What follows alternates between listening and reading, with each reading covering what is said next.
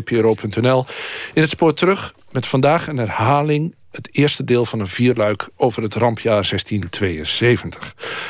De Republiek der Verenigde Nederlanden was nog niet eens een eeuw oud... of u werd alweer bijna opgerold. In het voorjaar van 1672 namelijk vielen Engeland, Frankrijk, Münster en Keulen ons land tegelijkertijd aan. Dit bracht enorme paniek teweeg.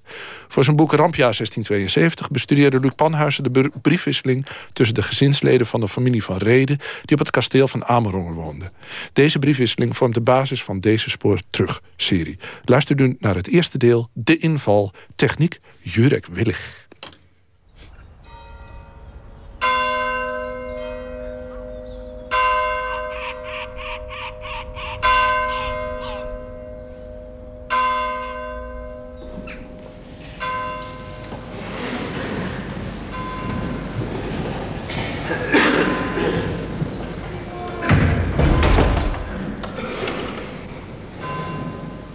Heer God, Gij hebt ons land gemaakt tot een pakhuis, beurs en winkel van Europa, ja, van de ganse wereld. Alle pronk, pracht en praal in huishoudingen en huisgoed, in kledingen en sieraad des sterfelijke lichaams stijgen tot aan de hemel. Maar ook dronkenschap, gulzigheid, brasserijen, zuiperijen, roepen en schreeuwen tot u in der hoogte. Ach Heer, alle vromigheid neemt af en de goddeloosheid krijgt aanwas.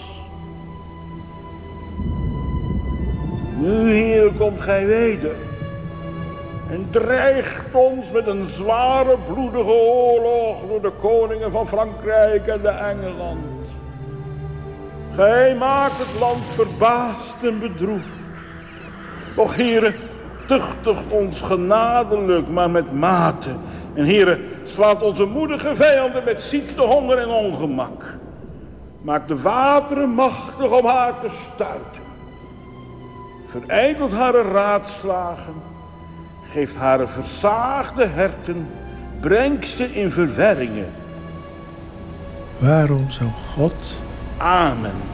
Tegenover ons, tot ons eigen verderf, toegeeflijk zijn.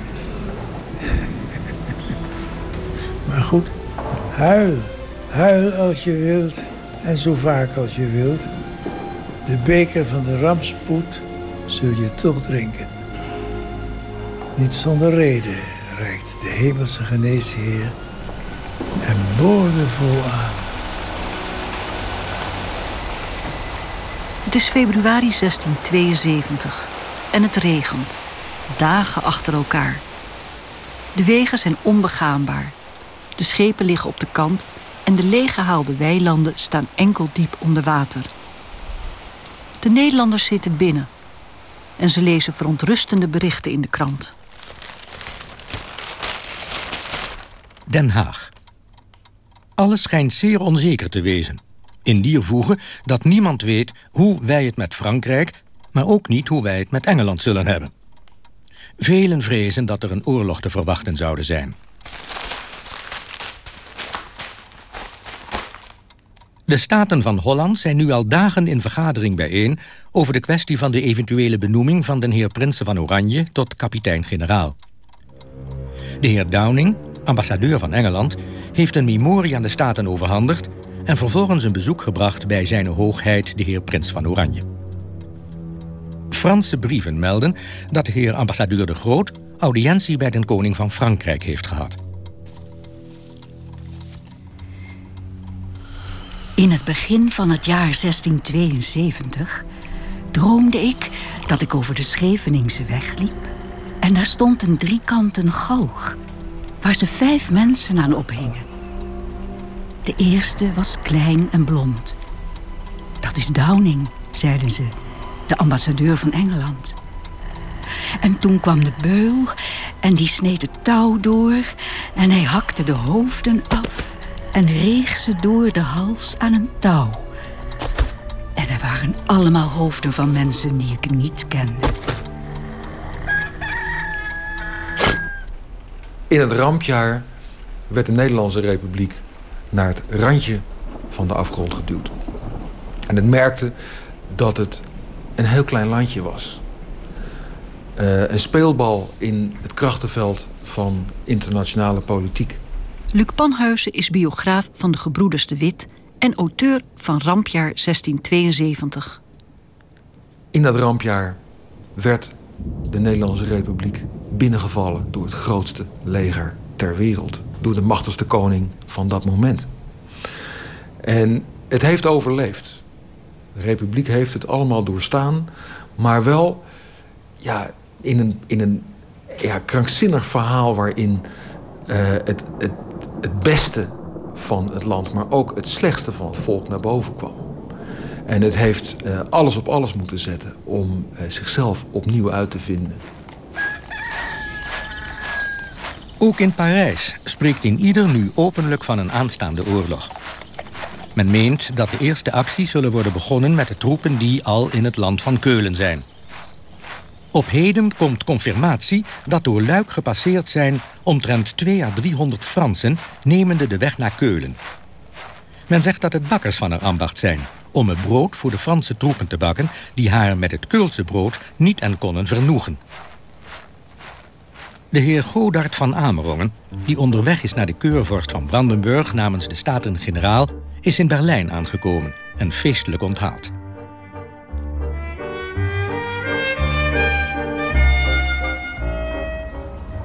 Mijn heer en liefste hartje. Het is me zeer lief te lezen van uw gelukkige overkomst in Berlijn en dat ze u met zoveel eer en civiliteit hebben ontvangen. Toch wens ik van harte dat wij mogen horen van uw wederkomst bij deze dangereuze tijden. Margaretha Turnor was kasteelvrouw van Amerongen, eh, getrouwd met Godard Adriaan van Reden. Op het moment dat het rampjaar losbarst, zit Margaretha op haar kasteel en haar man, Godard Adriaan van Reden, bevindt zich in Berlijn, waar hij ambassadeur is bij de keurvorst van Brandenburg.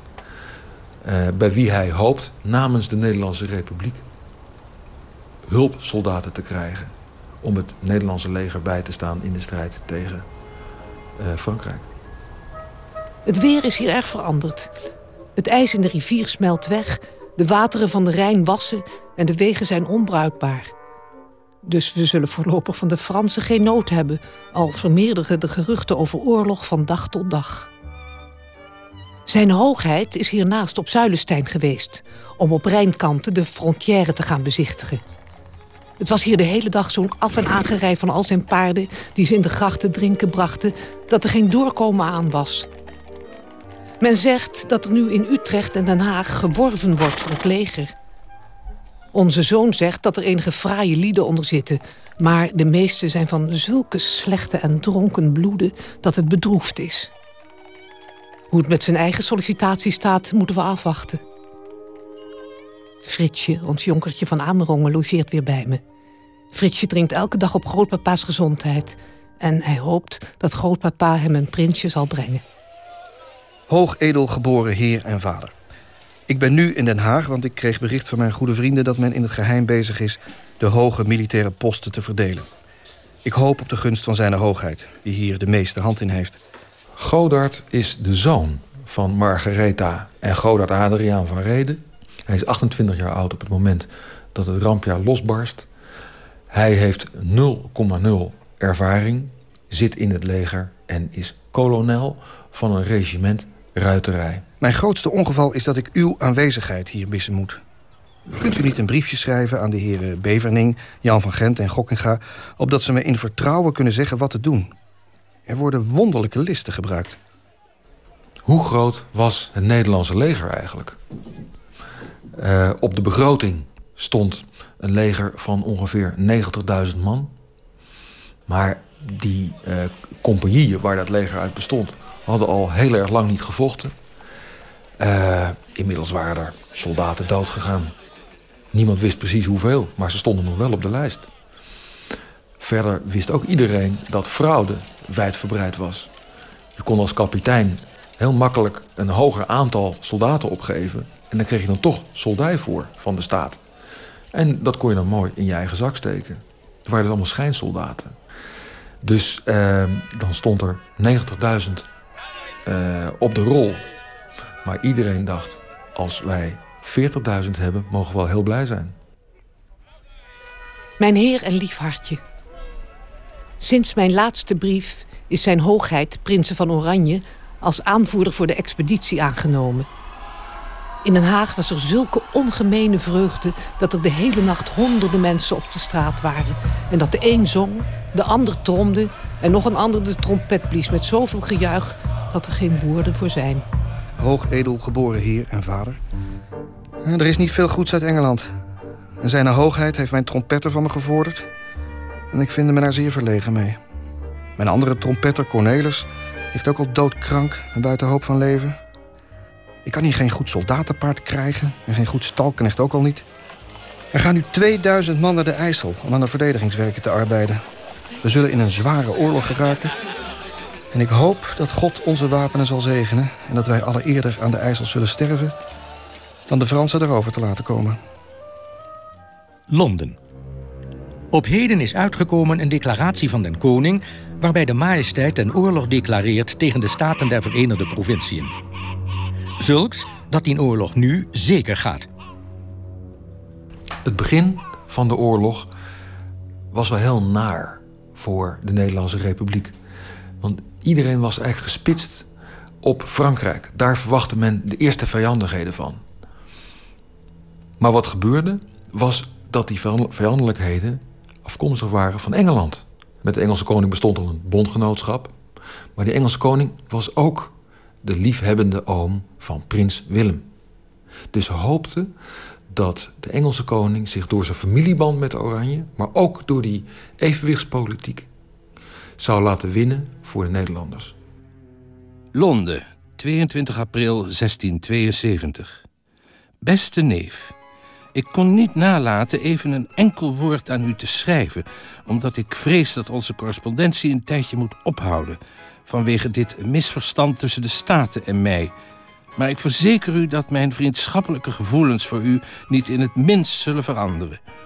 En ook al lijken onze belangen nu wat uit elkaar te lopen, ik heb u toch een dienst bewezen, want ik ben er vast van overtuigd dat u de post die u nu hebt nooit zo snel zou hebben gekregen als er geen oorlog was uitgebroken. Dit is alles wat ik u nu kan zeggen, maar ik hoop dat ik tijd van leven heb om u ooit van meer dienst te kunnen zijn. En u moet ervan overtuigd zijn dat ik geen gelegenheid zal laten passeren om u mijn oprechte vriendschap te laten ondervinden. Charles, King of England. En toen kwam ook, de dag daarna, de Franse oorlogsverklaring. Mijn heer, mijn lief hartje. Het schijnt dat de hand des heren ons aan alle kanten bezoekt. De kwade tijdingen die wij uit Engeland hebben, zal u edele zeker hebben verstaan.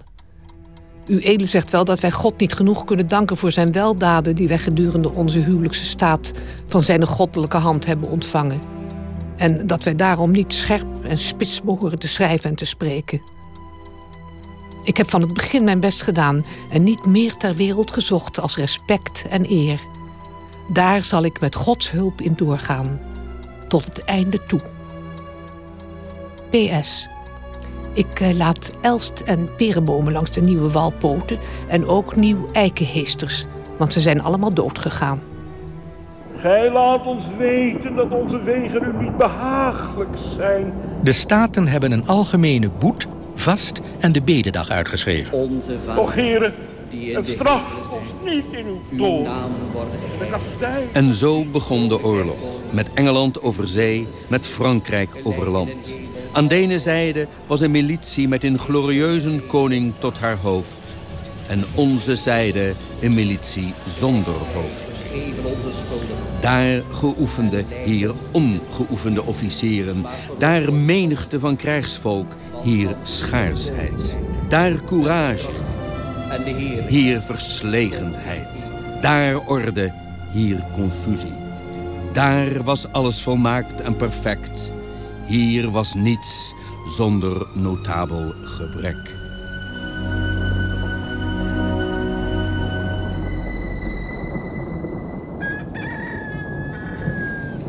Het getal van Franse militairen wiert 146.058 combattanten. En met haar gevolg en aanhang Zo van pages, lakeien, koetsiers, wagen- en karreluiden... pioniers, jongens, krauwels, wijven, trossen, hoeren, etc. waren het er wel 300.000.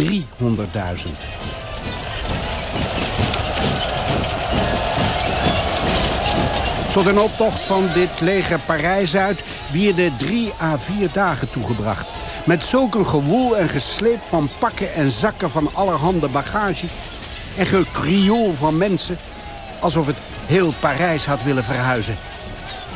Alle voornaamste heren en dames kwamen de reizen van den koning... met het adieu en wensingen van een gelukkig succes zijn er wapenen valediceren. Alle opgetooid als bruiloftsgasten met de kostelijkste en sierlijkste kledingen en monturen.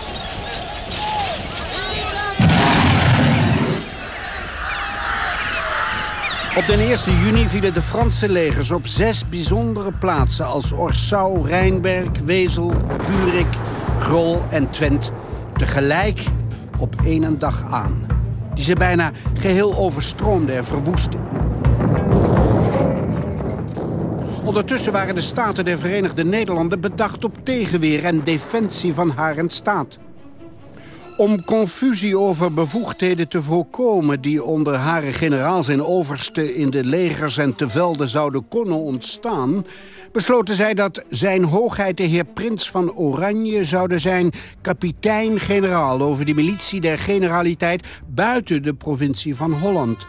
Doch met zeer gelimiteerde bevoegdheid en onder het opperbevel van acht gedeputeerde te Velde... die overal het leger te Velde zouden bijwonen... en door het geven van hare patenten hetzelfde verleggen of verdelen... zoals zij het ten meeste diensten van den landen zouden verstaan te behoren. Willem III was uh, benoemd tot kapitein-generaal van het staatsleger. Dus laten we zeggen opperbevelhebber.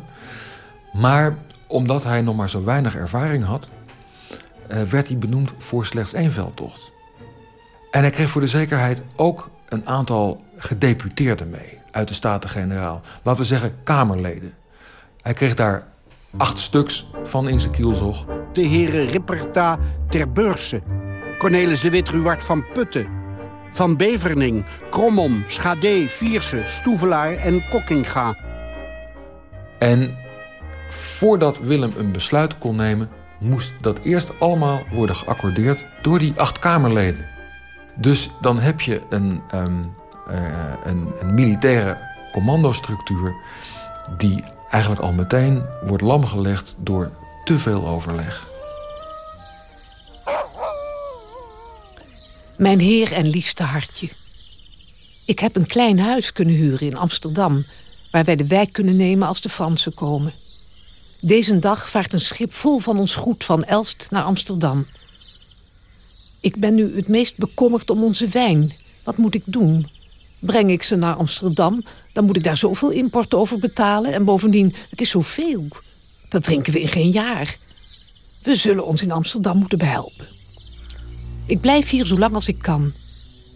Ik bid u zich in geen perikel te stellen, opdat ik niet van man en van zoon beroofd worden want ik vrees mijn zoon nooit weer te zullen zien. Hij zegt dat er veel onbedreven volk in het leger is. De Republiek had een aantal verdedigingslinies. Er waren zes forten langs de Rijn. Daar moesten de Fransen eerst langs. En dan was er ook nog het hele sterke fort Maastricht aan de Maas. De, de regering in Den Haag was er eigenlijk wel vrij zeker van dat de Fransen heel erg lang zouden doen over het veroveren van die forten. En in, die, in dat tijdsbestek had uh, het Nederlandse leger dan tijd genoeg om de IJssellinie, de linie daarachter, in uh, paraatheid te brengen. Waar op dat moment al duizenden boeren aan het graven waren en waar de kanonnen maar niet arriveerden. Wat gebeurde was eigenlijk een nachtmerrie voor uh, de regering. De Fransen passeerden Maastricht. Ze rolden de zes Rijnforten op binnen het bestek van een week. En, uh, en ineens stonden ze ijzingwekkend dicht bij de IJzerlinie. En die IJzerlinie was nog lang niet af. 3 juni. Orsau valt. 4 juni. Burik valt. 5 juni. Wezel door Fransen bezet. 6 juni. Rijnberg valt. 8 juni. Emmerik valt. Mijn heer en liefste hartje. Met de laatste post heb ik geen brief van u gehad. En hier horen we iedere dag ergere tijdingen. Ze zeggen dat de Fransen Wezel hebben ingenomen... en het klooster Sleenhorst hebben geplunderd... en de begijnen hebben geschoffeerd. Het is verschrikkelijk om te horen hoe ze te werk gaan. Ze zeggen dat ze nu iedere dag naar de IJssel zullen komen... dat maar matig met volk is voorzien. We hebben hier zulke droogte dat alle gras staat als hooi. Uit de rivier valt al het water weg. De lieden spreken hier in de steden kwaad van de regenten. 9 juni. Doetinchem door Fransen veroverd. 10 juni. Rees en Grol gaan over. De bisschop van Münster neemt Oldenzaal, Ootmarsum, Almelo, Delden, Goor, Borculo en Bredevoort. Nu zal het erop aankomen, mijn hartje. Nu de vijand zulke progressie op ons doet. Ik vrees dat het op de IJssel aan zal komen. Mijn hart bloedt als ik daaraan denk. We hebben onze zoon geofferd aan de dienst van het land. Misschien zien we hem nooit meer. Afgelopen nacht zijn hier in het dorp een regiment van 1600 zeeuwen gepasseerd. Onderweg naar Nijmegen. En ze hebben zo'n wanorde gemaakt. Ze hebben de boeren gedwongen ze te drinken te geven. Ik heb de brug laten ophalen. In Utrecht hebben de vrouwen een luitenant-kolonel... die uit de stad wilde vluchten, aangevallen. Ze riepen, zal de mooie heer vluchten... die onze mannen uit vechten heeft gestuurd. Ze rukten zijn koffers open en pats, daar rolde het zilver en goud over straat. De burgerwacht moest in de wapens om de wijven te kalmeren. Ach, dat de Heer Almachtig ons wil bijstaan... opdat wij niet in de handen van de tiran mogen vallen. Want zij leven zich verschrikkelijk uit op de mensen waar ze komen. Hier is dagelijks grote doortocht van boeren uit Holland... om aan de defensiewerken te graven en het leger te versterken. Deze Noord-Hollandse boeren waren slecht uitgerust. De ene met een vuurroer, de ander met een snaphaan... en de derde met een musket. Alle van diverse kaliber, die het meest verroest, vermolmd of gedemonteerd waren. Zij zeiden zelf dat ze liever met een mesje een snijwerkje legden... als tegen den vijand vechten. Enige deze boeren voor Zutphen aan een dam werkende... zagen veel stof en damp van de menigte der vluchtelingen opgaan. Waarop een onder haar in verbaasdheid uitriep... Zideer de vijand, maat! Het welk zulk een schrik in haar bracht... dat zij het hazenpad naar de stad kozen... latende haar gereedschappen achter. Ze zijn allen weer naar huis gezonden. In het kwartier den Honingsweert. Hoog edel geboren heer en vader. Het is met een post of drie dat ik niet heb kunnen schrijven... waarover ik onderdanig om excuses bidden. Ik ben zo geoccupeerd geweest dat ik bijna niet een uur rustig gehad heb te kunnen slapen. Als we ons zo blijven verdedigen... zullen de Fransen ons in zes weken ontnemen... waar onze voorouders 80 jaar om gevochten hebben. Hier aan de IJssel laat de vijand zich nu iedere dag zien. Gisteren kwam het alarm dat ze de Betuwe attaqueerden... Als ze daar doorheen trekken, zullen ze al snel in Amsterdam voor de poort staan... en staat het land dus in groot gevaar. Al de posten hier zijn van zo slechte defensie... dat wij hier alle wel zullen moeten sterven.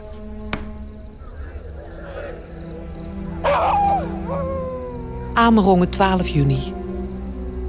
Sinds de laatste brief is de vijand zo genaderd... dat we hen alle dagen verwachten aan de Rijn of de IJssel. De mensen vluchten van alle kanten, dag en nacht... Ik heb gisteren onze schoondochter en kleine Frits naar Utrecht laten brengen. De mensen zijn zo oproerig in Utrecht, in Haarlem en in andere plaatsen. De mensen beginnen ook op u te morren, mijn heer en lief hartje. Dat de troepen uit Brandenburg maar niet komen. Waar moeten we blijven? In Amsterdam zullen dergelijke praatjes ook wel rondgaan. Waar kan ik me vertonen? U belieft te doen wat u doet en laat ons zo alleen in deze uitnemend zware tijd. Neem me niet kwalijk, bid ik u, dat ik al dus overstort, maar ik ben bedroefd tot in het binnenste van mijn hart. PS. Kleine Frits kust zijn grootpapa ootmoedig de handen. De jongen wordt zo sterk.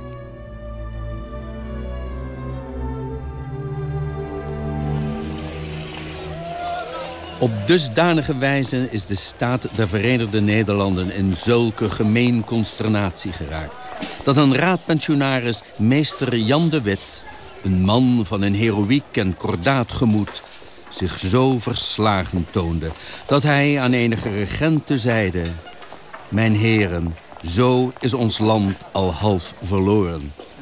En daarop gevraagd zijnde door wat middel men de staat nog zouden kunnen redden antwoordde hij met opgehaalde schouderen... dat er geen ander middel over was als met een vijand te trakteren... en dat die vooralsnog niet zouden willen luisteren. De raadpensionaris van Holland, Johan de Wit, had voor de vergadering gezegd... als wij de eerste klap van de Fransen weten op te vangen... dan is daarna het vuur van het Franse temperament gedoofd. En ontstaat vanzelf de situatie waarin we kunnen onderhandelen. En dan komen we misschien zonder al te veel kleerscheuren uit deze oorlog tevoorschijn. Maar de snelheid waarmee die zes Rijnforten waren gevallen...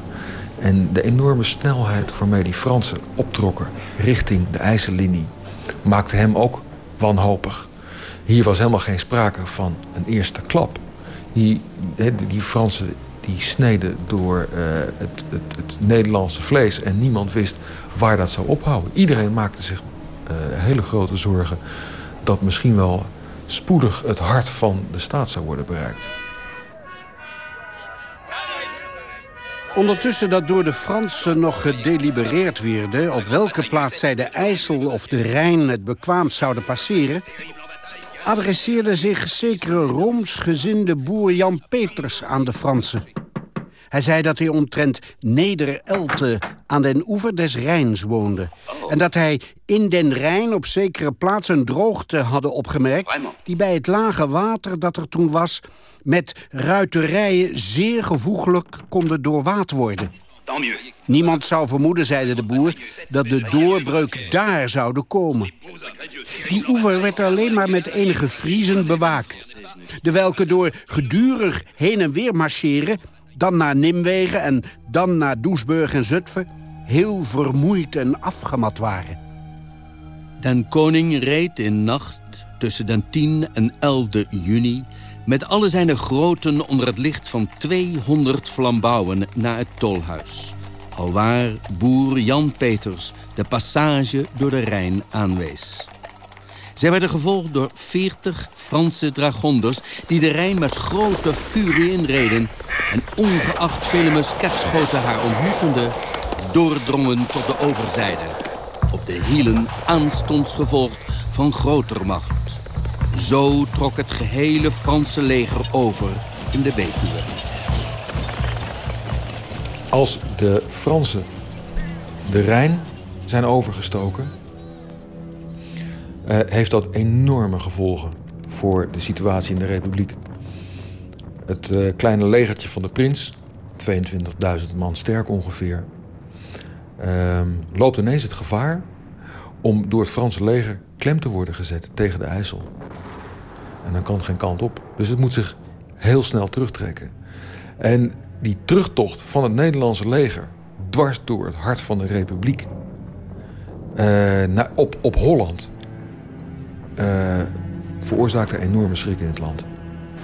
Uh, het leger heeft nog helemaal niks laten zien. Alle linies die de Republiek tot nu toe heeft gehad, zijn ja, bij de eerste aanraking door de vijand al in elkaar gezakt. Amsterdam, 13 juni. Gisteren heb ik vanuit Amerongen geschreven over de droeve staat waarin ons vaderland verkeert. Ik wilde nog een paar dagen daar blijven, maar om twee uur s'nachts kwam onze zoon aan de poort zeggen dat ik moest vluchten.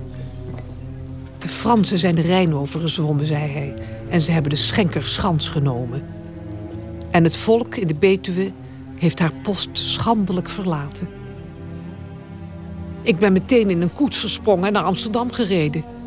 De mensen vluchten met zoveel geweld van alle kanten dat je niet kan zien wie mannen en wie vrouwen zijn.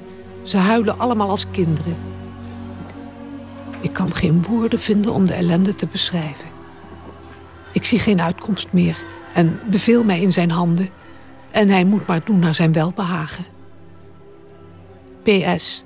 Ik ben hier aan de oostzijde van de Blauwe Brug... op de Nieuwe Herengracht, in de Troffel. Hoewel geen komeetsterren door haar verschijningen deze oorlog met haar rampen voorzijd hadden, zo geloofden nogthans velen dat nu het fatale sterfjaar voor de geünieerde republiek geboren was. Te meer, terwijl het nu even honderd jaren was dat een eerste fundamentsteen tot een opbouw van deze vrije republiek geleid was door het innemen van den Bril door de watergeuzen die daar door onweder en godsbeschikkingen en niet met voornemen waren meester geworden.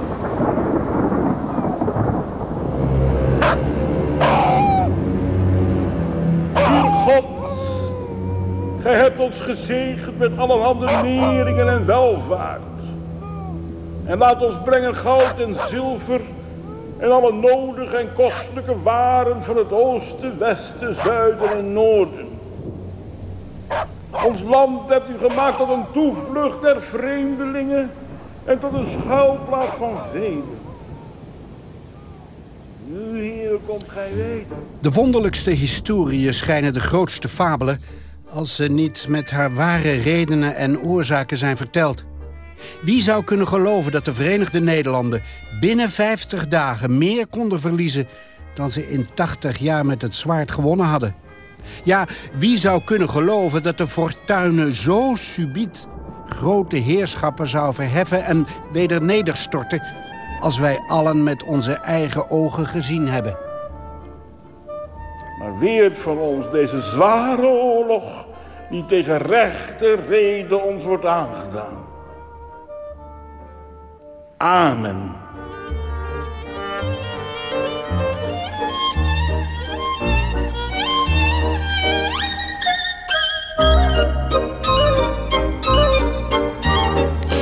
Dit was het eerste deel van Rampjaar 1672. U hoorde stemmen van Ton Lutz, Annemarie Oster, Klaas Vos, Donald de Marcas, Peter Brussen, Philip Frederiks, Arend-Jan Himma van Vos, Leopold Witte, Els Buitendijk, Astrid Nauta en Luc Panhuizen. Techniek was van Jurik